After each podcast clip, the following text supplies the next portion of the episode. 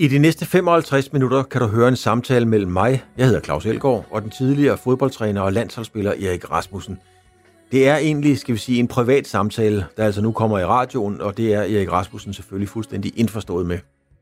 Samtalen er helt uforpligtende, og derfor er den på ingen måde forberedt, og derfor har den heller ikke karakter, skal vi sige, et struktureret interview. Det er ganske enkelt to mennesker, der taler sammen i telefonen om det, der nu er sket, siden de talte sammen sidst. Og snakken tager udgangspunkt i corona, opdragelse, tanker og refleksioner, og ikke mindst Erik Rasmussens velgørenhedsprojekt i Sierra Leone, der ligger i Vestafrika. Jeg har valgt netop Erik Rasmussen, fordi han er det menneske, jeg har mødt, der reflekterer mest over livet og tager meget aktiv stilling til alt omkring ham i omgivelserne.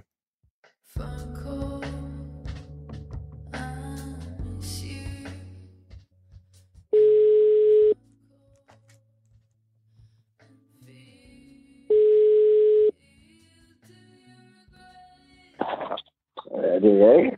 Hej Rasmussen, det er Claus Elgaard. Hej Claus. Hej. Hvordan går det med dig? Det går, øh, det går stille og roligt, du og jeg. Er på vej på lidt, øh, ja, forlænget weekend. Er jeg ikke på vej, for jeg har en udsendelse på søndag. Men, øh, men ellers så går jeg bare og laver lidt, øh, lidt terrasse og, og sådan og små hygger mig. Det går sgu godt. Hvordan går det med... Øh, er, du, er du hjemme for tiden, Erik, eller er du øh, på, på, i Sierra Leone? Med, eller hvor er du egentlig henne i verden? Nej, altså, der man, man kan jo ikke rejse nogen steder hen nu, vel? Altså, landets grænser er jo lukket og det der, så... Så det kniver lidt, ikke? Ja. Så jeg er i Danmark her lige i det, ved Viborg efterskolen, som jeg arbejder på, hvor jeg også bor sådan set i forbindelse med det. Så det er et helt vildt dejligt sted, jo. Ja. Hvornår skal du... Øh, ja, det kommer an på, når de åbner grænserne, men hvornår damper du afsted igen? Det kommer som sagt an på, hvornår de åbner grænserne, fordi jeg vil jo gerne ned hurtigst muligt. Nu er øh, projekter dernede de sidste 8,5 år, og øh, det er, en, det er en hård tid dernede lige nu. Altså, vi har selvfølgelig været ramt af det i forhold til, at alle tingene har været lukket ned, og der har været så mange begrænsninger og restriktioner, og folk, der har været syge, og selvfølgelig også nogle, nogle enkelte, der desværre er, er døde og alt sådan noget. Men hvis det er, at man kigger på det i, i Sierra Leone og i nogle af de mere sådan øh, fattige dele af verden, så, så er det jo klart, så det jo egentlig en endnu større katastrofe. Ikke fordi, at de har det samme høje tal, som vi har i, i Europa og USA end i vestlige verden generelt, men fordi uh, at de, jo, de er jo lige så bekymrede, for eksempel Sierra Leone prøvede i boligen her for, for fire år siden. Og uh, myndighederne dernede har ikke helt de samme eksperter at læne sig op af, som man har i den vestlige verden. Så, altså, det vil sige, at de tager nogle forskellige beslutninger, som egentlig virker rigtig, rigtig yderliggående i forhold til, hvor lidt de egentlig er ramt. Men det vil sige, at der er lockdowns, hvad okay. der betyder, at mange mennesker dernede ikke må forlade de compounds eller de små hytter og elendige skure, de nu engang bor i. Og det, det vil så sige, at, at de er isoleret sådan set uden penge og mange gange uden mad. Um, plus der er også enormt mange, der har mistet jobbet, fordi alle, alle restauranter og ja, desværre ikke caféer, det ved du selv, hvad jeg siger det onde. Ja. Men der, der er så meget, der er lukket ned. Der er mange mennesker, der har mistet jobbet, og de har ikke noget til sikkerhedsnet overhovedet. Noget økonomisk sikkerhedsnet. Så det har, det har meget sådan vidtrækkende konsekvenser for, for det enkelte individ dernede på grund af, af fattigdom og på grund af, at der ikke er noget system til at, at passe på dem. Ikke? Ja, jeg prøver lige at komme lidt, øh, lidt tættere på, øh, på telefonen. Nogle gange, når vi snakker sammen, så har du sådan en uvane med at lægge den ude på køkkenbordet, og så løber du en tur imens. Så den, øh, du skal lige have den, øh, du skal lige, du skal lige have den, øh, have den lidt tættere er på. er, det bedre, er det bedre nu? Ja, bare du holder den op til, øh, til munden der. Men jeg tænker på, ikke, fordi jeg kan da huske, da, da vi var i Sierra Leone, øh, da jeg var nede og besøgte dig dernede, øh, der talte vi jo meget omkring det her med, med, med Ebola, og der var sådan en, øh, nogen, der havde tjent penge på, på Ebola. Jeg kan huske, når der kom en dyr bil, så sagde du til mig, at nogle gange så råber de Ebola-money efter dem, der kørte i den og sådan nogle ting. Har, har de det samme med corona? Altså er der også en mistanke om, at der er nogen, der, der, der profiterer på det? Der, er- der er ikke nogen tvivl om, og det, det er jo også det, som, som vi som organisation er enormt opmærksom på. Der, der er ikke nogen tvivl om, at der er et kæmpe spild. Altså hvis det er, som man kigger på, hvor mange penge den vestlige verden har postet i, i udviklingslandene, og hvor lidt der mange gange kommer ud af det, jamen, så er det jo fordi, det, at mange af pengene ryger i, i de forkerte lommer. Og det, det er jo noget, man skal være sindssygt opmærksom på som, som organisation, og egentlig også som privatperson, eller sådan, man, man prøver på at finde nogle forskellige ting, man gerne vil, vil støtte i, i udviklingslandene. Så ja, der går rigtig mange penge til, til korruption generelt. Og det er jo, det er jo beskæmmende, men altså, det er, det er jo sådan, sådan de politiske forhold og vilkår egentlig er. Og det er jo, øh, det, det er jo også den det er jo den øh, indstilling meget af befolkningen i et land som Sierra Leone også har, at de kan ikke stole på deres, på deres politikere. Og det kan man jo godt forstå. Men når man lige pludselig ser, at de bygger store villager og kører rundt i et år store dyre biler og alt sådan noget. Og det, det er jo det, som der nu engang sker, og det er derfor, at man som, som hjælpeorganisationer og udviklingsorganisationer, egentlig også som, som regering og hvad det nu engang er, skal være enormt opmærksom på, jamen, hvad er det egentlig, hvordan skal vi prøve på at, at, at give penge derned til, hvad er det for nogle projekter, som vi skal satse på.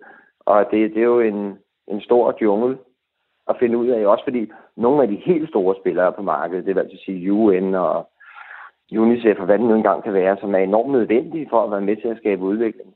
Måske ikke altid har ansat de rigtige mennesker til at prøve på at, at, at fordele pengene og sørge for, at de går i rigtige steder hen. Så det, det, er en meget sådan, det er en meget kringlet ting. Det er ikke noget, der skal afholde folk i at prøve på at lave en forandring i, i lande, hvor de har så meget behov for det. Uh, altså i Sierra Leone for eksempel, der er det jo, jeg tror det er omkring ja, 60 procent af befolkningen, som der lever under FN's officielle fattigdomsgrænse på omkring 11 kroner om dagen. Ikke? Så selvfølgelig er der, er der egentlig kolossalt behov for det, men det er også vigtigt, at man øh, er opmærksom på, hvor pengene de løber hen af. Ikke? Jo, altså øh, Erik, øh, selvom at det jo sådan er en, en privat samtale, som vi smider i radioen her, så tror jeg måske alligevel lige, ikke, at vi skal, øh, du skal fortælle den korte, forholdsvis korte version af, hvad det er, du laver dernede. Jeg vil godt sige, at jeg har jo været nede og, og, og besøgt dig, og min, øh, min ene søn har været nede og arbejdet for dig dernede.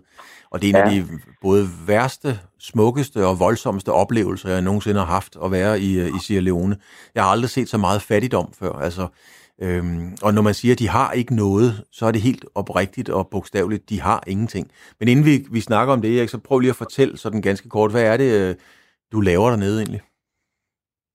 Øhm, jamen, jeg, jeg startede noget, som der hed Football for a New Tomorrow, for ja, jeg tror det var i 2012 eller sådan noget lignende, hvor vi prøvede på at bygge idrætsforeninger og fodboldklubber op for at skabe forandring i, i lokalsamfundene.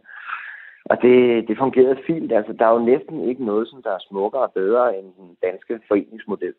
Det vil altså sige det der med hensyn til, at man får enormt mange mennesker involveret, og man møder hinanden på tværs af økonomi og på tværs af race og alle mulige forskellige andre ting. Altså, så, så den foreningsidé, man nu engang har i Danmark, som vi føler opvokset med, som vi tager som en selvfølge, det er virkelig noget, som, som man godt kan implementere succesfuldt i, i mange andre dele af, af verden. Ikke? Ja. Altså, fordi hvis der er noget, der bringer, der bringer folk sammen, så er det jo idræt. Altså, du ved, man, man har en fælles interesse, man har en fælles passion, og øh, man, man møder hinanden uden lige så mange forbehold, som man ellers godt kan møde hinanden i, som man er med som mennesker. Så, så det, det kørte jeg i, i nogle år, i en 4-5 års tid, 5 års tid, tror jeg. Men under det begyndte vi så at åbne en del andre projekter. Blandt andet et projekt for, for handicappede, hvor vi, vi startede et disablehus, altså et handicaphus, hvor vi ja, prøvede på at hjælpe nogle af, af alle de handicappede, som der er i Sierra Leone, og der er rigtig, rigtig mange. Igen fordi, at man ikke har et, et samfund og et socialt sikkerhedsnet, som der tager sig af dem. Så er der mange, som, som der er henvist til tækkeri og, og lever nogle meget, meget skrøbelige og, og forfærdelige liv. Og så startede vi sådan et øh, eksprostitutionsprogram, hvor vi øh, prøvede på at trække unge teenagepiger ud af, af prostitution. Og de, de to projekter startede vi i det, som hedder Fand for omkring 4,5-5 år siden.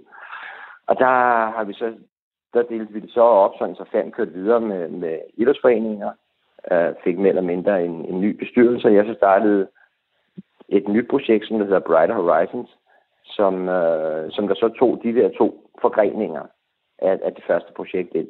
Så det er det, jeg kører nu.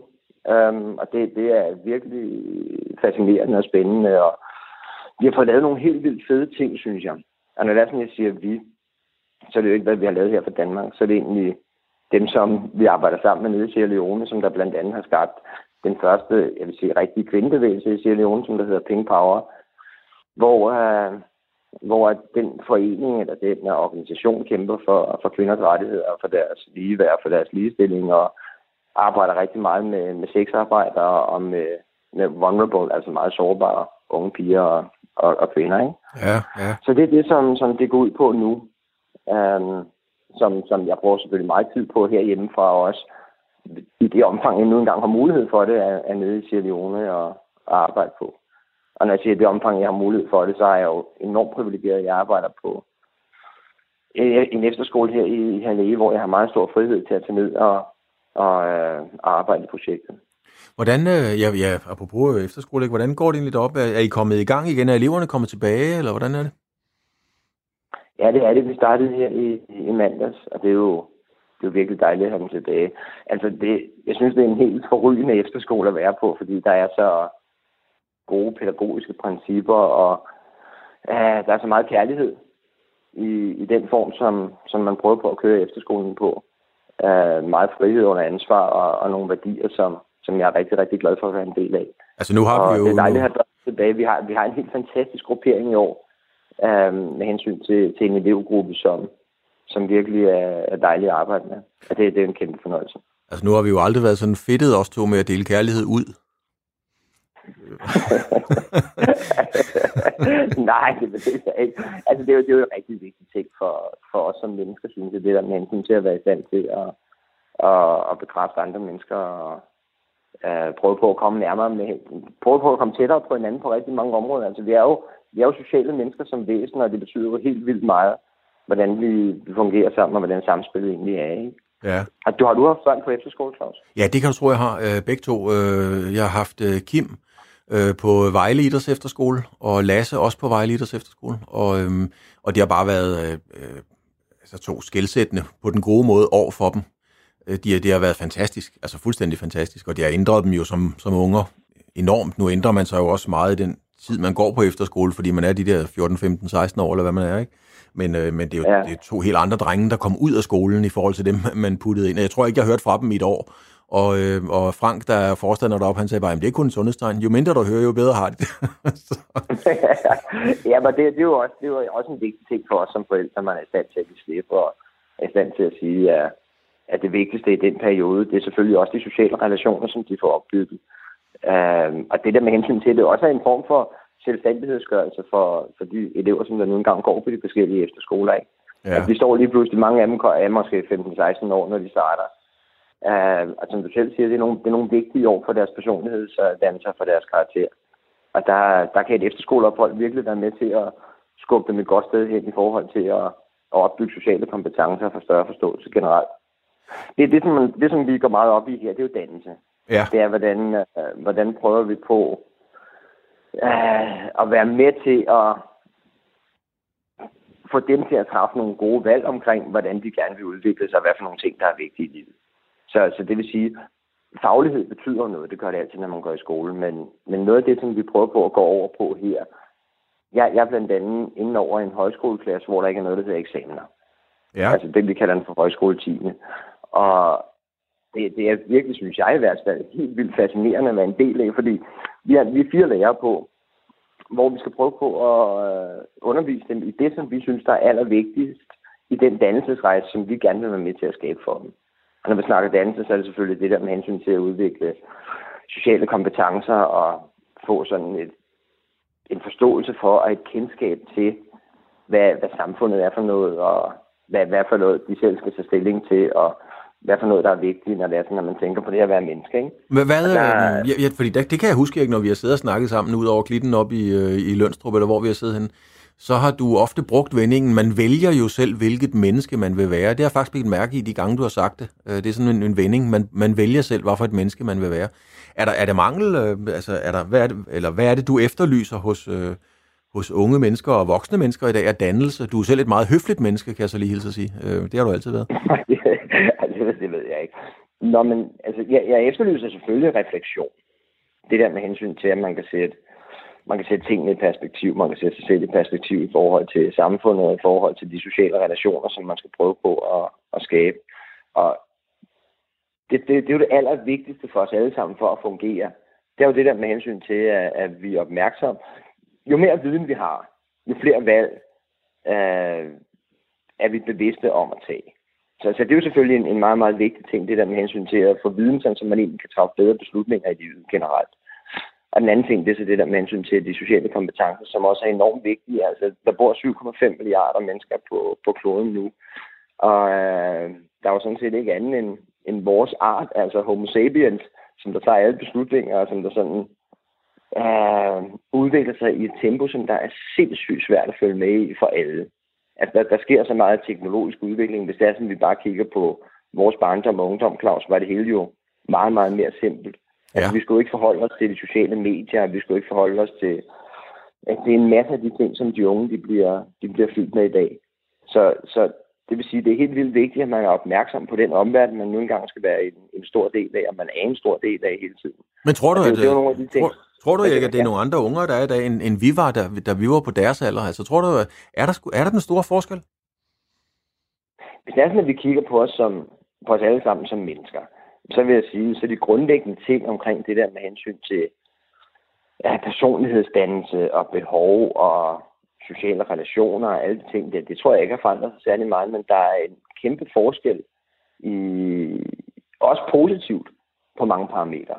Det vil altså sige, en af de ting, nu har jeg jo aldrig været i skoleverdenen før, jeg har været fodboldtræner og spillet yeah. fodbold i mit liv, mere eller mindre.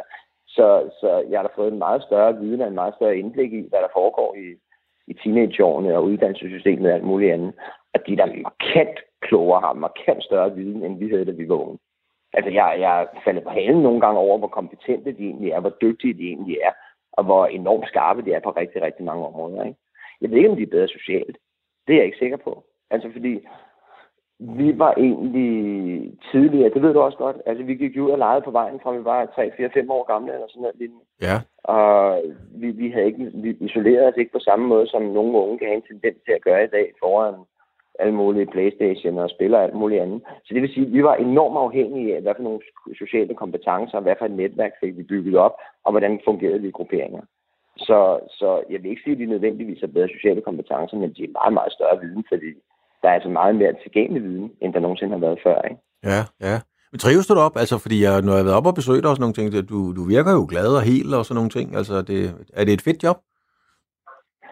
Jeg synes, det er et vanvittigt, vanvittigt fedt job.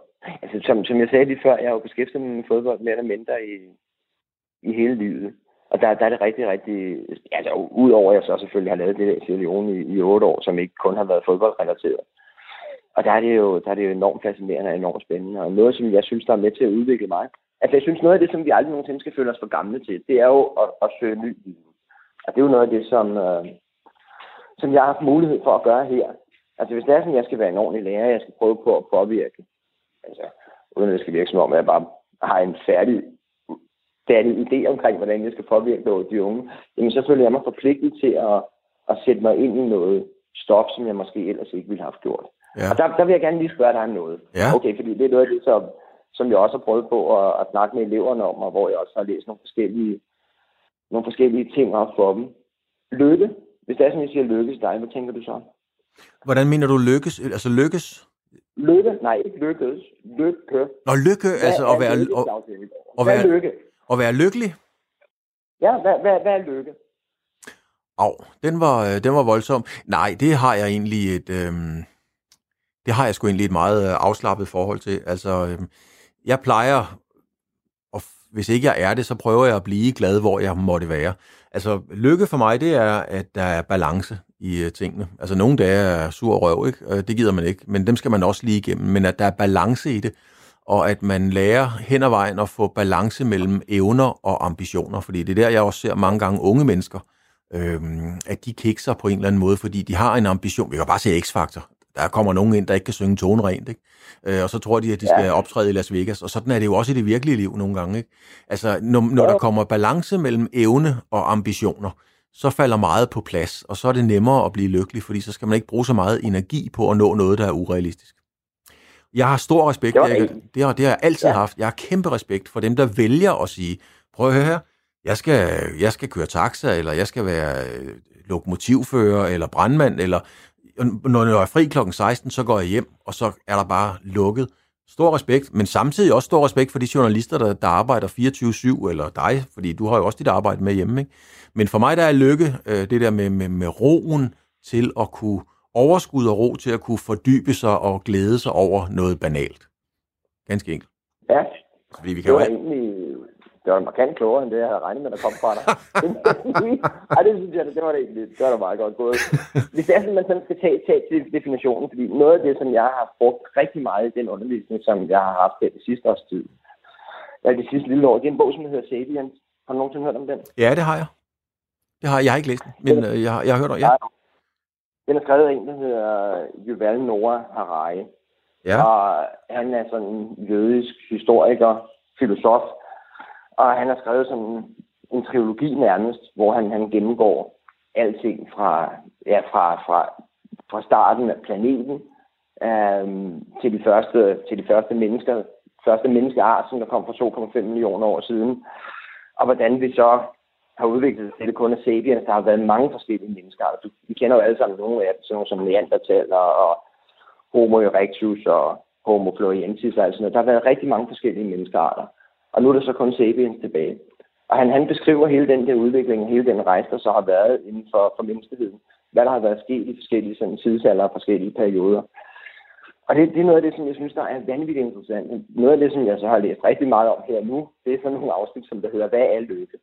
Ja. Det, det har der gjort mig markant klogere på rigtig, rigtig mange ting omkring det.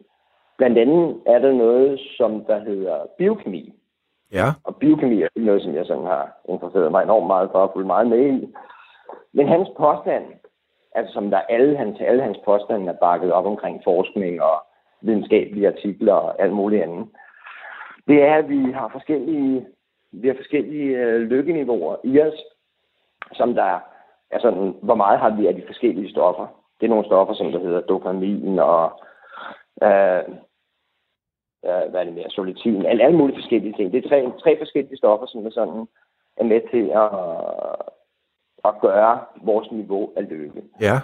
Og det, det, som, det, som man så kan læse frem til her, i hans for øvrigt altså helt vanvittigt interessante bog på alle mulige forskellige planer, som der som sagt hedder Sapiens, det er, at vi som udgangspunkt, vores biokemiske system, er indstillet til forskellige lykkeniveauer. Det vil altså sige, der kan være nogen, der er født med lykkeniveau i forhold til de forskellige øh, kemiske stoffer, som de nu engang har, som der ligger mellem 3 og 7. Og det vil sige, uanset hvad de nu engang gør i livet, så vil de simpelthen ikke være i stand til at følge lykkeniveau på 10, fordi de mangler, de mangler de stoffer. Okay. Og det, det er jo egentlig meget interessant. Så vil der være andre, som der ligger på et lykkeniveau fra 6 til 10, hvor hvis det er sådan, at de føler sig helt elendige og virkelig er kede af det, altså, så kommer de ned på en 6'er, hvad der får dem til at føle sig ulykkelig, hvis man kan sige det sådan. Og hvis det er sådan, at de føler sig overstadig lykkelige, så kan det komme helt op på en 10'er, hvor man simpelthen næsten ikke kan få flere af de der kemiske stoffer udløst i kroppen.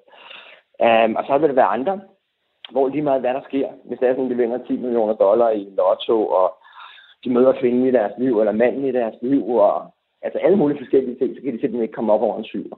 Og det, det er nogle meget interessante observationer, noget som man ikke tænker på sådan i det daglige, at vi kan være sådan beriget eller fattige i forhold til, hvad vi egentlig er født med. Men det giver mening. Altså det giver jo rigtig, rigtig god mening. For det første er det forskere gennem utallige år, som der nogle gange er kommet frem til konklusionen.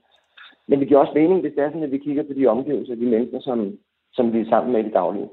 Altså hvis det er sådan, at du kigger på de mennesker, som du mange gange søger, ja. så er det jo mennesker, som du så er det mennesker, der udstråler en vis glæde. Ikke? Jo, det er det. I høj grad. I høj grad. I høj grad. Ja.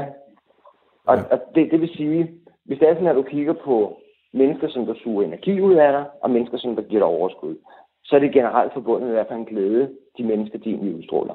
Kan vi ikke blive enige om det? Jo, det kan vi godt blive enige om, ikke? Det kan vi godt. Altså, og der har jeg aldrig nogensinde haft tænkt i de baner der med hensyn til, at det egentlig er måske biokemisk, hvordan det ligger. Men det er jo nogenlunde det samme mennesker, Claus. Hvis det er sådan, at du har, har haft en ven eller en kollega eller sådan noget lignende, som du arbejdede sammen med på 20 år, for, for 20 år siden. Mm. Hvis du så møder ham igen 20 år efter, har han så ikke nogenlunde den samme udstråling i, i kraft af, hvor livsglad er han, eller hvor negativ er han. Er det ikke nogenlunde det samme? Jo, det, det, øh, jo det, det er faktisk rigtigt. Ja.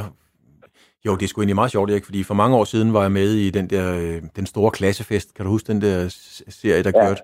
Hvor, jeg, hvor Puk og jeg blev, øh, blev forenet med vores fortid, kan man sige. Ikke? Og det er egentlig ja. rigtigt nok, at dem, jeg gik i 5. og 6. klasse med, som var dem, der var med inden, som, øh, som, som mine klassekammerater for dengang, de, de, de, da man havde siddet og drukket kaffe bag efter udsendelsen i en times tid, så, var vi, så talte vi på samme måde. Hierarkiet var det samme. Preben førte ordet, Jens Henrik sad der, jeg sad der, og det var fuldstændig, ja, ja. Altså, det var fuldstændig faldet på plads på no time simpelthen.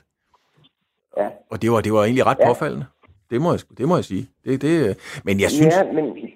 Ja, bare snak videre. Ja, men jeg synes ikke, at det der med... med øhm, det er jo noget, jeg har sådan gået lidt meget op i omkring det her med dopamin og de her det er jo sådan et belønningsstof, der bliver udskilt i hjernen. Når man har gjort noget godt, så kan ja. man få noget, øh, så kan man få, så får man noget dopamin. Og især omkring øh, afhængighed. Øhm, jeg har skrevet en bog om afhængighed og holder foredrag om det og sådan nogle ting. Ja, det ved jeg. Men når jeg kommer ja. ud, og, og, og man sidder øhm, med nogen, der har et, et afhængighedsproblem, så hører jeg desværre ofte fra pårørende, at de siger, jamen vi har jo gjort alting, men øh, lille buber bliver jo fuldstændig overmandet af den der dopamin.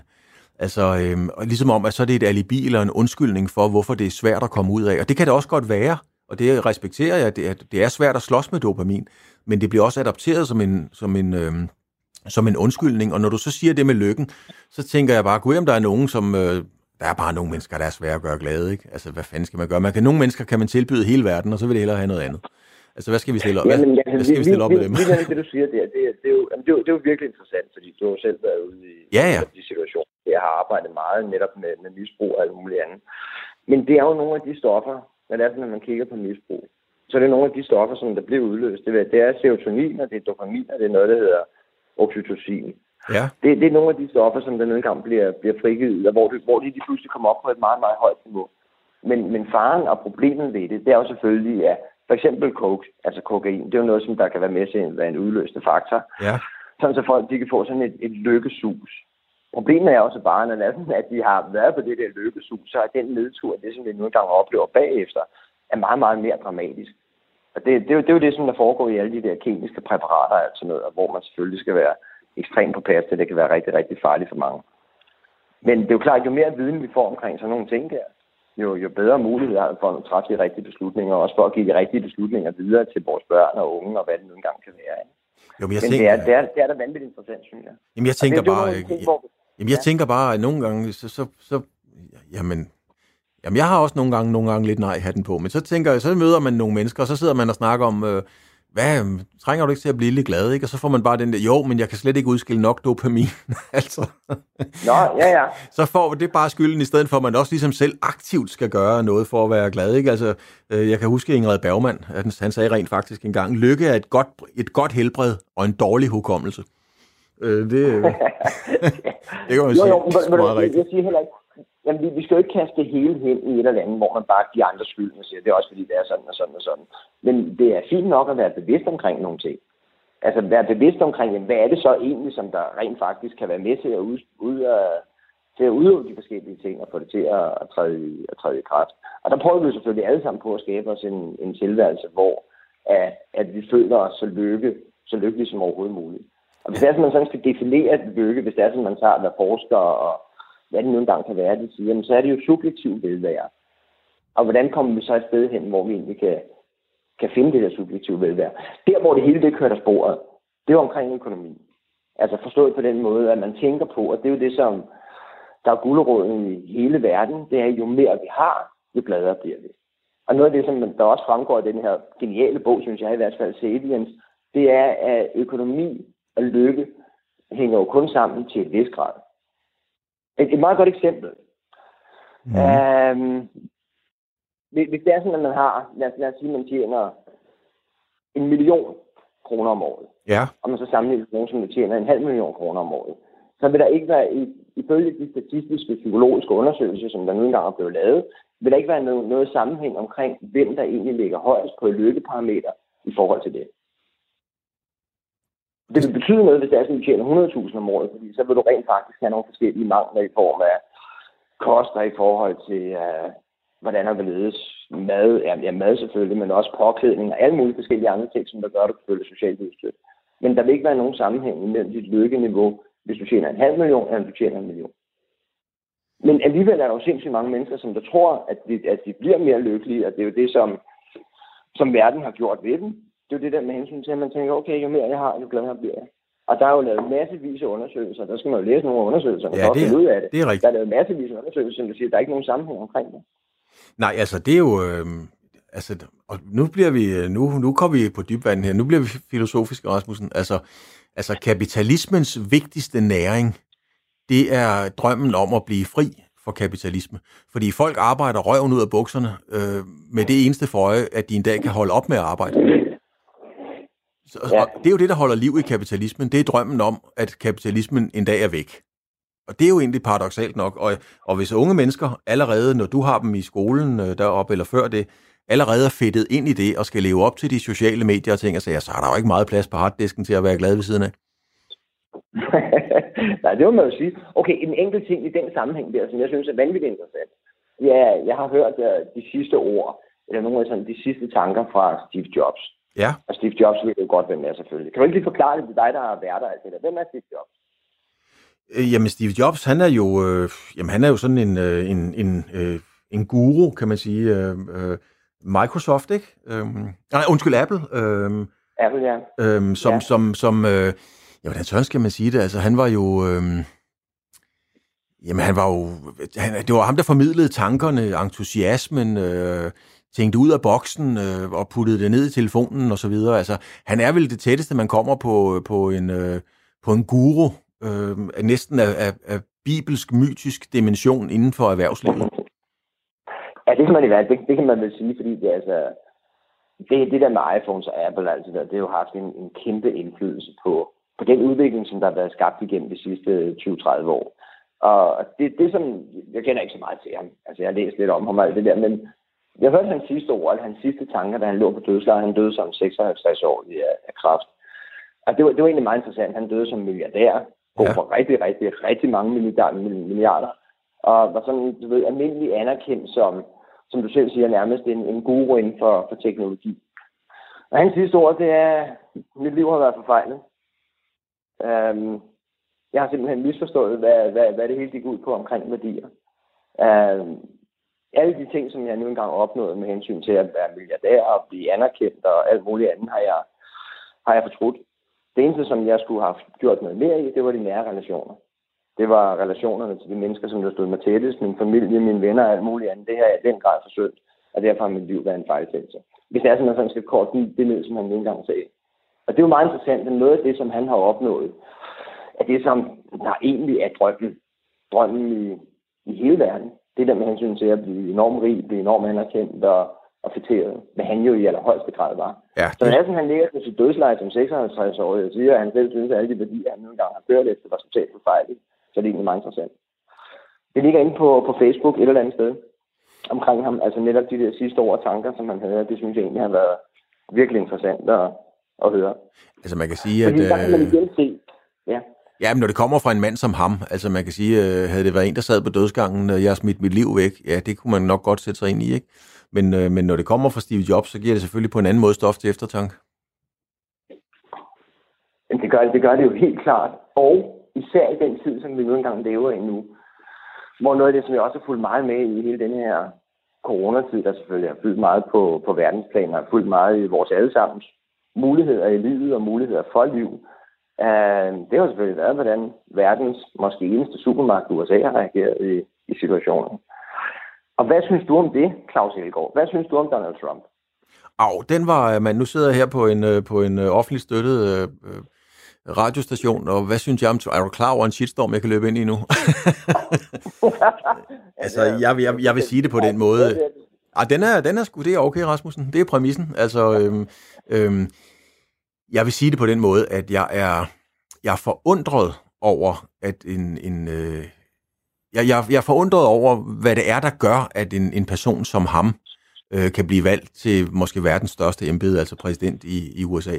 Jeg er forundret over, hvad det er for nogle signaler, som, øh, som øh, tiltaler folk til at, at stemme på, på en mand, der kan trykke på den der knap, så der, så der kommer en atomkrig, sådan billedligt talt. Det har jeg, det har jeg godt nok øh, tænkt meget over, om, øh, om det er udtryk for, at det er en fattig verden, øh, eller om det er et udtryk for, at øh, ja, tiden er gået, nu sker der bare noget nyt. Det kan jeg sgu ikke rigtig gå op med mig selv, og det er ikke, fordi jeg vil være politisk korrekt, ikke? men jeg har godt nok undret mig meget over, og man ser det jo også i andre lande, sådan i, i mindre sammenhæng, at der sidder nogle folk på nogle poster, hvor man nogle gange tænker, okay, hvad skete der lige der? Altså, øhm, jeg sad forleden, da jeg så ham i øh, omkring, han spiste noget øh, malaria-medicin i forbindelse med det her corona. Og så, der sad jo altså bare en, en, en her af professorer og internationale videnskabsmænd, der sagde, det der, det er ikke ret klogt. Men, men han sagde, det var godt for ham. altså, så jeg ved sgu ikke rigtigt, om man skal grine eller græde, ikke? nej, nej, altså, jeg, jeg tror, altså, jeg, jeg har virkelig fulgt meget med i ham, fordi jeg har tænkt, okay, jeg boede selv i USA igennem en, en længere periode. Ja. Og øh, altså, jeg har da ikke opfattet amerikanerne som, som totale idioter øh, før nu. Altså, det, det, det, det bliver jeg nødt til at sige, det gør jeg egentlig et langt stykke hen ad vejen, i og med, at der er så mange, der kan vælge Trump. Ja. Det, man kan sige, det er, jamen, han, han lyver. Altså, du ved, noget af det, som der er det aller, aller vigtigste for politikere, det er jo troværdighed. Han bliver grebet i løgn på løgn på løgn på løgn. Og det er fuldstændig ligegyldigt. Han har stadigvæk næsten den samme popularitet i hvert fald blandt republikanerne, som han hele tiden har haft. Ja. Øhm, og han, han bliver jo om nogen set som sådan en form for frelser og held for, for mange af de underprivilegerede. Altså dem, som nu engang bor i de white trash, altså et udbredt udtryk i, i USA, er mange af dem, som der bor i trailerparker og hvad det nu engang kan være. Mange af hans kernevælgere, det er jo, det er jo arbejderne, og det er dem, som der ikke er specielt veluddannede. Og, og det, det er jo helt ufatteligt, og egentlig også faren ved et demokrati, at man kan stemme på en mand som, som Trump. Altså, han er blevet grebet, han bliver grebet i løgn på løgn på løgn på løgn. Ikke? Altså, lige nu skulle han jo, hvis det er, at man tager USA's historiske rolle i alle større udviklingsbegivenheder igennem de seneste, lad os sige, lige anden verden, siden 2. verdenskrig, og måske også før, så har det jo været USA, som der har gået ind og taget et kæmpe ansvar. Det er det gjort under stort set alle præsidenter, uanset om man er sympatiseret med dem eller ej. Altså lige fra Bush til, til Clinton til, uh, til uh, Obama, begge Busherne. Altså sådan kan man egentlig blive ved. Jimmy Carter, det har været USA, som der har været en samlende faktor, og har sat dagsordenen for, hvordan verden skulle reagere i rigtig mange forskellige henseender. Ja. Og nu har vi så et USA, hvor hele verden kan jo ikke identificere sig og griner af Trump. Det griner sådan set af den mest magtfulde mand i verden, fordi det, som han nu engang siger, er så far af, der er ikke noget videnskabeligt belæg for nogle af hans påstande omkring noget som helst. Du nævnte selv eksempel med, med malaria-medicin. Og samtidig, altså nu, nu har jeg også lidt meget over det der med hensyn til, jeg er jo på en skole nu. Og noget af det, som vi prøver på at manifestere værdier, det er, at vi skal behandle hinanden på en respektfuld måde. Ja. Det vil altså sige, at vi skal ikke mobbe. Det, er du, det, det, selv i vores skolekamp blev det også opdraget med det. Gør vi ikke det? Jo, altså der vil jeg sige, at jeg har nul tolerance til at skal for, mob, for mobning. Det, og jeg ved godt, at hvornår noget mobning, det er meget, meget flydende. Men altså, når det går ondt på nogen, så er det jo så er det, så er det ikke godt, kan man sige, uanset hvad. Altså, det er det, man sige. Og så har du simpelthen en præsident, som der mobber. Altså, hele hans præsidentkampagner er bygget op på mobning. Altså, han, kalder, han kaldte Hillary for Crooked Hillary. Yeah. Han kalder Joe Biden for, for uh, Joe Biden for Sleepy Joe. Og alle dem, han nu engang uh, hader, elsker at hade, det er nogen, som han giver enormt nedsættende øgenavn. Altså, det er, jo, det er jo det laveste fællesnævn overhovedet fra skolegården, som du ser fra den amerikanske præsident. Så jeg vil sige, at jeg synes, at jeg med meget, meget stor interesse fuldt alle de forskellige debatter, der nu engang har været, fuldt til udtalelse, som der nu uh, er kommet frem. Um, og er, er dybt rystet over, hvordan vi, vi kan have en verden, hvor Trump på den ene side er den mest magtfulde mand, som der, hvad skal man sige, anbefaler ren og skær og egoisme og, og mobning. Altså, man, first. altså jeg, og så, så har du i nogle af de andre, i nogle af de andre sådan stormagter, som selvfølgelig også er Kina og Rusland og sådan noget, der har du også nogle ledere, hvor man tænker, okay, det, det, det er den verden, som vi lever i i dag. Altså, det er jo det er en lille smule skræmmende på det område, ikke? Jo, altså, jeg synes, det, det, det mest skræmmende, øh, det, det er, en, hvis vi tager dine, dine skoleelever op på skolen med i det, som jo lever meget på nettet, og det, og det er det jo, sådan er det jo i den der, det er jo der, de får deres, øh, skal man sige, deres nyhedsfeed fra, og så videre, ikke? Øhm, og, og der kommer mange usandheder, og der er også kommet mange usandheder i dansk politik, det, sådan er det jo også, ikke? Men altså mange mennesker tror jo bare, i gamle dage, der sagde folk altid, da jeg var ung, og da du var ung, så sagde folk, jamen det har stået BT, så det passer. Øhm, og nu siger folk, jamen det har stået på nettet, så det passer. Det kan godt, øh, øh, hvad skal man sige, bekymre mig, fordi man tager bare til indtægt, at hvis det har været på nettet, så passer det. Og, og, og det er jo voldsomt. Ja, ja det er rigtigt. Jamen, det er jo også noget, som vi skal lære dem. Altså, vi skal jo lære øh, de unge, vores børn, hvem nu engang er at være kildekritiske. Altså, det, det er jo en helt naturlig ting. Selvfølgelig skal vi det, men det er, det er rigtigt, hvad du siger. Altså, den der, den der sociale verden, som der lige pludselig er vidensverden, som der lige pludselig blev, blev, blev åbnet for dem, er jo både god og skidt. Altså, den er enormt god, fordi før i tiden, nej, hvor kunne man have mange diskussioner med alle mulige, fordi man var helt sikker på, at man havde ret, og man kunne rent faktisk ikke finde oplysninger nogen som helst steder. Altså, du ved, det kunne være lige fra, hvad for en hovedstad der var i et land til, hvad er præsidenten og alle mulige forskellige ting. Ikke? I dag, der kan du i løbet af to sekunder, der kan du finde ud af, som udgangspunkt, hvad der er rigtigt og forkert. Så altså, det vil sige, at vores, vores tilgang til at få viden er jo blevet kæmpestor. Og det, det er jo en enorm fordel. Jeg har det sådan, jeg googler næsten alting. Hver gang jeg kommer i tvivl om et eller andet, så googler jeg det. Og så, som du selv siger, der er det måske ikke altid, du kan finde informationerne, men det kan du i 99 procent af tilfældene. Og så skal du selvfølgelig være en lille smule kritisk i forhold til Wikipedia og hvad den nu engang er. Ikke? Jo, jo, det er klart. Men, men muligheden for viden er jo blevet enormt stor, Claus. Det, det kan jo kun være et plus, ikke?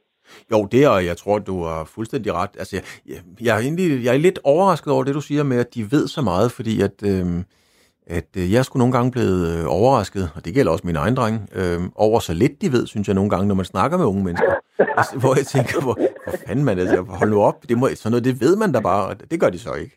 Men, men øh, så det overrasker mig lidt, du siger, at de unge i dag, op hos jer, faktisk er så vidne om mange ting. Øh, det, det kommer egentlig lidt... Det kan, det kan jo godt være, at vi er bare heldige, at alle de intelligente børn, de kommer her på alene, det ved jeg simpelthen ikke. Nej, selvfølgelig er det, selvfølgelig er det ikke sådan. Men, men okay, jeg kan komme med et par, par, par forskellige eksempler, hvor jeg er blevet sådan helt overrundet over, hvor meget viden de egentlig har. Jeg, jeg, laver, jeg laver rigtig mange sådan quiz af forskellige opgaver mellem mig. Sådan noget, ikke? Ja. Og der laver jeg så en, uh, en musikquiz-agtig, hvor du skal gætte sproget på, uh, på 10 forskellige sange. Ja. Og der spiller jeg så, du ved, noget på russisk, jeg spiller noget på spansk, jeg spiller noget på portugisisk, og noget på svensk, og noget på tysk, noget på engelsk, altså 10, 10 forskellige sprog. Der gætter de 8 af dem. Okay. Det synes jeg er meget godt. Ja, det er da super godt. Altså bare, bare, for, bare for at nævne et eksempel omkring, hvor meget, hvor meget uh, føling og, og hvor skarpe de egentlig er. Det er det samme med mange af de der forskellige, du ved, hvis det er sådan, jeg har skrevet nogle geografiske quizzer omkring hovedsteder og uh, ja, alle mulige forskellige ting. De, de ved jo. Jeg, jeg synes virkelig, de, de ved meget, ikke? Og jeg synes, de er gode til at reflektere. Jeg synes også, at, at de som udgangspunkt har nogle sunde værdier, hvad det også betyder, at de selvfølgelig har fået en god dannelse med hjemmefra. Ja. Så, så mange af alle de der forskellige ting, som vi har siddet og snakket om her i sidste, jeg ved ikke, hvor lang tid der er gået, Claus. 40 minutter, par 40 minutter eller sådan noget lignende. Ja, altså, det... tid, tid er jo sådan, for dig der er tid sådan altid været sådan et ret flygtigt begreb, for eksempel, ikke? Det tiden kommer og går, og det tager vi sgu ikke så alvorligt. Men der er faktisk gået 41 minutter og præcis 20 sekunder lige, lige nu. Ikke fordi du, sådan, som okay. jeg siger, har gået voldsomt meget op i tid i tidens løb, men, men bare til behagelig oplysning. 41, nu er der gået 41.27. Ja, så kan jeg overhovedet ikke huske med alle de der tidsoplysninger, hvad det var, vi snakkede om. Vi snakkede om, vi snakkede om de unge. Jo, og der, der vil jeg sige, jamen altså, jeg, jeg, jeg, synes, jeg synes, at vi som danskere kan være, kan være rigtig, rigtig stolte over de sociale kompetencer, som folk generelt har. Det synes jeg også, man har kunnet under, under denne her coronakrise, altså noget med hensyn til, hvor meget folk egentlig har vist hensyn, og hvor, hvor dygtige vi har været, ligesom de andre skandinaviske lande, til at opbygge velfærdssamfund, hvor man altid tager sig af de svageste, og, eller generelt prøver at tage sig af de svageste, svageste, og hvor man har en enorm god social forståelse. Og det er også det, jeg ser for de elever, som der starter her. Det har de. Det har de helt afgjort, ikke? Og det, som jeg så synes, der er den største faren at være sådan, sådan en ros af Danmark og Skandinavien, det er, vi skal jo bare ikke blive nationalistiske. Altså, det er, jo, det er jo det, som der har været den allerstørste fare ved næsten alle udviklinger rundt omkring i verden, og som vi også har en tendens til nu, med at sige, jamen nu bliver vi også hjemme, og nu skal vi også lægge pengene i Danmark, og nu skal vi også gøre sådan og alt det der. Det synes jeg er den farligste løsning for den globale situation, fordi det er jo alle i hele verden, der er ramt af det. Altså, hvorfor skal vi lige pludselig kun begynde at kigge ind af? Hvorfor skal vi ikke også prøve på at kigge ud af og sige, jamen det her, det er en, en menneskehed, som der i hvert fald er ramt af en meget stor økonomisk krise, og der skal man prøve på at finde fælles løsninger, i stedet for kun at gå efter nationalistiske ting. Ikke? Jo, altså jeg... Øh, kan du følge med, ja, med ja, jeg kan sagtens følge dig. Altså, før jeg fik fornøjelsen af at komme på, på, øh, på Radio 4, så øh, arbejdede jeg jo med, øh, med CO2-udslip og klimakrisen og den grønne omstilling og alle de her ting. Og, øh, og interviewede en masse professorer, som jo alle sammen sagde, at objektivt bedømt, så var kloden, vores planet, på vej ud over afgrunden, eller ikke bare på vej, vi var ud over afgrunden, og så videre. Det skal jeg ikke gøre mig klog på, om det er rigtigt, men det var det, sådan, de, de sagde. Øh, og, og det er jo det er der jo ikke så mange, der har taget sig så voldsomt af, men, men så kommer coronakrisen, som jo er, det er jo en tragisk ting med folk, der dør og så videre. Men i betragtning af en klode, der er ved at køre sig selv i sænk, så, så synes jeg, sådan, så jeg undrer mig nogle gange over, hvor proportionerne er i forhold til det hele. Jeg vil slet ikke underkende coronakrisen, det er slet ikke det, jeg siger. Men, men, men ifølge mange professorer, så, så, så har vi en, en klode, der er ved at gå under. Øhm, ja. Og, og, og ja. det er egentlig ikke noget, man sidder og taler om på samme måde, som man taler om, øh, om coronakrisen. Det, det har undret mig. Ja, det, det virker fuldstændig grotesk. Det, virker, ja, det har jeg også. Altså, det var noget af det første, jeg tænkte på, da det var sådan, at man sagde, at nu stopper man al flytrafik, nu gør man sådan og sådan og sådan, og man så næsten ikke nogen biler og fabrikker, der ikke er produceret. Det, det bliver jo den eneste gang, i, jeg ved ikke hvor mange år, måske også i årene fremover, hvor man rent faktisk opnår nogle af de målsætninger, man har omkring at passe på planeten. Altså med hensyn til CO2-udslip og alle de forskellige uh, processer, der skal ske der. Så på den måde er det jo vanvittigt godt for vores planet. Det er der ikke nogen tvivl om. Men hvad tror du, hvad, hvad tror du det her, ikke tror du, at, fordi det har vi jo tit talt om det her med sammenhold, og, og det er også det, du, kan man jo godt høre, du, du, det er noget, du brænder for, det, det sociale og sådan nogle ting.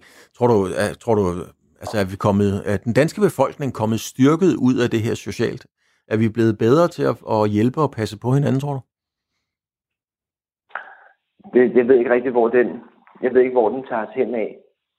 Det, det, jeg synes, det er helt vildt svært at overskue, hvad, hvad den egentlig kommer til at medføre. Fordi den kommer jo helt til at medføre det der med hensyn til, at der er mange, der mister job, og der er mange, der mister penge. Altså, sådan, sådan vil det selvfølgelig være. Der kommer recession i, i stort set hele verden, altså tilbagegang i, i bruttonationalprodukter. Øhm, og hvis det er sådan, at man, man kan lære en lille smule af, at det gør egentlig ikke noget, men det hele det kapitalistiske system, det er jo, det er jo bygget op omkring vækst. Altså nu kommer vi så ind i en situation, hvor, hvor, det, hvor det går tilbage, i stedet for at det går frem. Og der håber jeg da på, at der ikke kun er fokus på, på det økonomiske. Fordi som du selv siger, Claus, altså planeten er jo troet. Og det, det er sådan helt vildt mærkeligt, det der med hensyn til, at en flere milliarder år gammel planet, som vi nu engang lever på. Hvis det er sådan, når du kigger på, bare kig på, på menneskearter. Og igen sådan en lille spørgsmål. Hvornår tror du egentlig, de første menneskearter, de, de, uh, de kom til? Ja, den, øh, hvis, jeg, hvis jeg kunne svare på den, så, øh, så har jeg vundet. jeg ved. altså, det, det, det, vil jeg sige, det har du. Men det er omkring 2,5 millioner år siden. Ja. Det er omkring 2,5 millioner år siden. Og hvis det er sådan, at du tager nogle af vores, vores forfædre, altså artmæssigt, så var der rent faktisk nogen, som der hed Homo erectus, altså det oprejste menneske, som, uh, som der har levet 2 millioner år på jorden. Altså, de, de, de er så uddøde i dag selvfølgelig, hvor det kun er Homo sapiens, der er tilbage. Men de levede to millioner år på, på jorden. Ja, der spiller, to, er, der, spiller, tror, der spiller to i Horsens. okay. Men hvis det, hvis det er sådan, at du tager, hvis det er sådan, at du tager os, altså Homo sapiens, som er det eneste tilbageværende nu, så har vi jo egentlig kun eksisteret i 200.000 år. Og sandsynligheden for, at vi kommer til at eksistere i, i 2 millioner år, den er jo næsten ikke til stede med det tempo, som, som man har nedbrudt planeten på bare igennem de sidste bare igennem de sidste 100 år. Ikke? Altså, så det er rigtigt. Altså, hvis det er sådan, man kigger på, hvor, hvor essentielt det er for vores børn og børnebørn og generationer og hele menneskeheden, så er der ikke nogen som helst tvivl om, at det kan der ikke, det kan der ikke blive ved med at vare. Og det burde alle vide. Men hvordan i alverden kan man så stadigvæk næsten udelukkende sætte økonomi foran, som man ikke kan finde ud af nogen som helst fælles mål. USA er det bedste eksempel med Trump i spidsen, som der trækker sig ud af, de, øh, af klimaaftaler og alt muligt andet. Altså, det er det, der markant den største trussel. Det er ikke corona, der er den største trussel. Hvor der er så få mennesker, altså øh, sagt på en respektfuld måde, som der egentlig er dør af det. Ikke? Jeg kan faktisk huske, ikke når du snakker om det her, jeg kan faktisk huske et tweet, der engang kom fra Trump, det er nogle år siden, men det var netop omkring det her med global opvarmning, og der, der, der, jeg kan huske det helt præcist, fordi vi, vi snakkede meget om det. Han sagde, it's freezing and snowing in New York, we need global warming. Altså, det, er koldt, det, det er koldt i New York, vi, vi, vi mangler noget global opvarmning. Øh, ja, det, det, er jo, det er der jo så, det er der jo så kommet, kan man sige. Det, det Men kan altså, man... okay, det, det, er jo sådan nogle ting, jeg har lavet i den her periode, Claus, for at komme til, tilbage til det. Altså, øh, og som jeg egentlig synes har været et, et pusterum, og det, det har vi alle sammen haft mulighed for. Altså, vi har haft mulighed for det der med hensyn til måske at reflektere en lille smule mere fordi verden, eller fordi livet har forandret sig så meget for, for os alle sammen i den her periode. Det, det synes jeg da ikke udelukkende er, er negativt det, det er da egentlig en god ting, hvis man ellers har brugt det til en lille smule fordybelse til at få mere viden. Så, så er det jo ikke noget, som der har sådan nødvendigvis taget os et dårligt sted hen, bortset fra de omkostninger, det nu engang kan have fået for en del mennesker. Ikke? Noget, øh, noget helt andet er, øh, jeg ikke, når, når jeg lige nævnede Horsens før, så var det egentlig, øh, fordi jeg vil, jeg, det er jo ikke nogen hemmelighed, at du er gode venner med Bo Henriksen som træner af AC Horsens, og du snakker også en gang med, med Bo, jeg er sikker på, og har nogle lange samtaler om alt muligt. Øhm, når nu du snakker med Bo, og så så snakker man vel også om, at nu skal vi i gang igen, og vi skal spille på søndag, og vi vandt eller tabte eller et eller andet. Rykker det egentlig ikke i dig for at komme tilbage og sidde på bænken igen og være træner, eller, eller er den helt død? Ja, den er, den er fuldstændig, den er fuldstændig død. Øhm, altså, jeg, jeg beskæftigede mig med, med fodbold på mere eller mindre topplan, siden jeg var 17 år gammel tilbage i 1977. Øhm, Og det vil sige, at det var sådan, jeg stoppede i AGF, eller de stoppede mig jo, kan man sige. Der var i, i 2010, så det var, det var alligevel sådan... Det kan man godt sige. 33 år eller sådan noget lignende, og så var jeg så i Vendsyssel. Så alt i alt har jeg været beskæftiget mig i 35 år, enten som professionel fodboldspiller eller, eller træner. Ja. Og det var selvfølgelig en tilværelse, som jeg på mange områder virkelig satte pris på og nød og var enormt glad for at være i. Men samtidig har jeg altid haft noget sådan værdimæssigt, som, som der clashede sådan en lille smule i forhold til de øh, rammer og normer, der nu engang er i den professionelle fodboldverden. Jeg var heldigvis cheftræner de forskellige steder, så det vil sige, at jeg kunne være med til at definere det, de, øh, den moral, der nu engang skulle være, sådan som jeg synes, det skulle være på. Ikke? Mm. Men det klinchede meget ofte med de ledelser, som jeg nu engang arbejdede med. Um, så jeg, jeg synes egentlig ikke rigtigt, at jeg har nogen plads i den professionelle fodboldverden. Jeg synes, jeg har nogle, noget kærlighed til det, og også nogle kvaliteter i forhold til, at jeg har været så mange år i det, og rent faktisk også vandt en del kampe med de hold, jeg nu engang trænede. Men det der værdifællesskab, som jeg synes, der skal være der, som jeg synes, der bør være vigtigt for os alle sammen, det kunne jeg ikke rigtig, det kunne jeg ikke rigtig finde. Altså, det, jeg synes, det blev for meget penge og for lidt mennesker, sådan som udgangspunkt, når man kommer op på den hylde der, ikke? Men er det også de erfaringer, man gør, fordi at... Øh, øh ja, du har selv spillet mod øh, Ulrik Moseby, formentlig øh, i OB. Har du ikke spillet mod Ulrik? Han var, han, han, han var i den grad en takler, men øh, han begyndte rent faktisk øh, at træne et, øh, et øh, lilleputhold eller et miniputhold nede i, øh, i OB. Og, øh, og den der store knokler, som øh, Moseby var, øh, hans træning med, øh, med drengene, det var jo, at uha, det skulle være fint, og det skulle være helt og tog og sådan nogle ting. Altså kompenseret for, at han selv var en, der brækkede ben, sådan billedligt talt, ikke? Ulrik var en fin fyr. Men er det det samme, du har lært fra, fra, øh, fra, fra fodbolden, du nu prøver at give videre til dine drenge op på efterskolen? Altså nogle af, nogle af de der kyniske ting fra fodboldverdenen, og sortere det væk? Nej, det, det, nej altså, det, det er jo klart. Jeg tror ikke, der er særlig mange, som der sådan har gået efter at brække benene på nogen. Det gjorde, det gjorde Ulrik Mosby havde jeg så, så respekt for, han var en god fyr. Han ja, det var han. Vinde, og det hårdt altså noget, men der, der var ikke noget som helst der ellers.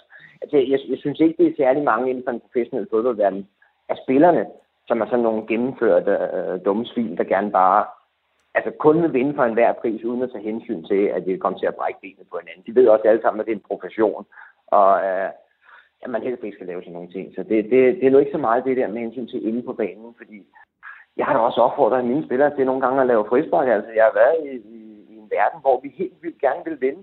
Så selvfølgelig laver man professionelt frispark en gang imellem, og måske ikke saver en hårdt ned bagfra, men så går ind og laver, du ved, hiver i trøjen, eller, eller går ind med en hård skulder, eller hvad det nu engang kan være. Det skal til, ellers så kan du simpelthen ikke vinde, vinde fodboldkamp. Og det, det er der også noget, som her på efterskolen, vi, det er jo ikke på det samme niveau.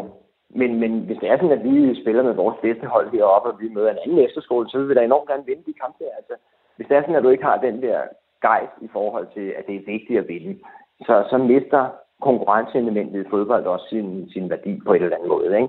Ja. Kan, du, kan du følge mig i Ja, det, det kan jeg godt, og, og, og der er vel heller ikke nogen ja. skam i at lære nogen, at man gerne må stræbe efter noget, eller gå efter noget. Det, det er vel ikke det er jo ikke et fyreord, vel? At sige, for fanden, hvis du vil være journalist eller læge, eller tage et eller andet andet, så, så må du bare gå efter det, og så må du arbejde på det.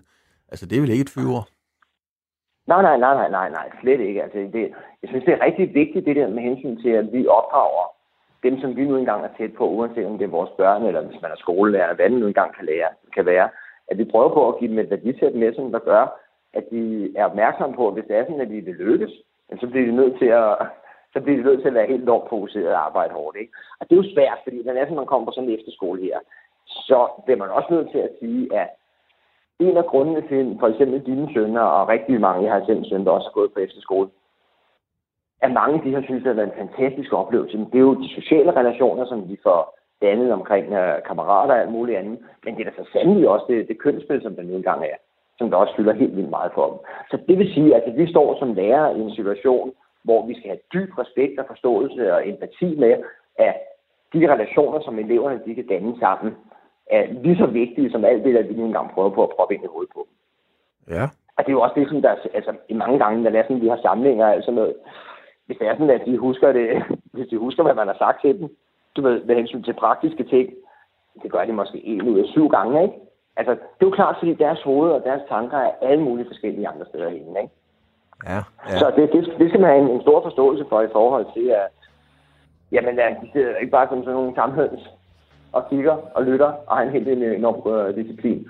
Det, som der er det allermest spændende ved at være lærer, Claus, jeg tror også, du vil, jeg tror, du vil dig godt til det, bortset fra det, det er jo det der med hensyn til at prøve på at finde nogle forskellige specifikke ting, som man synes har betydning for den udvikling, som de nu engang personlighedsmæssigt skal gå igennem.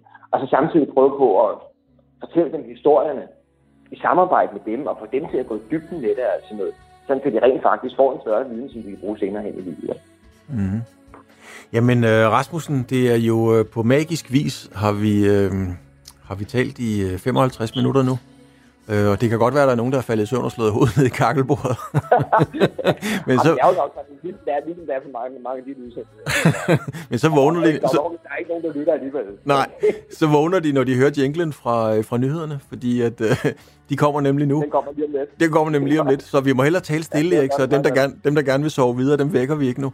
Øhm, Rasmussen, fornøjelse. Vi ses snart. Ja, lige måde, det gør vi. Det gør vi. Godt, lige over. Hej. Hej. Thank you.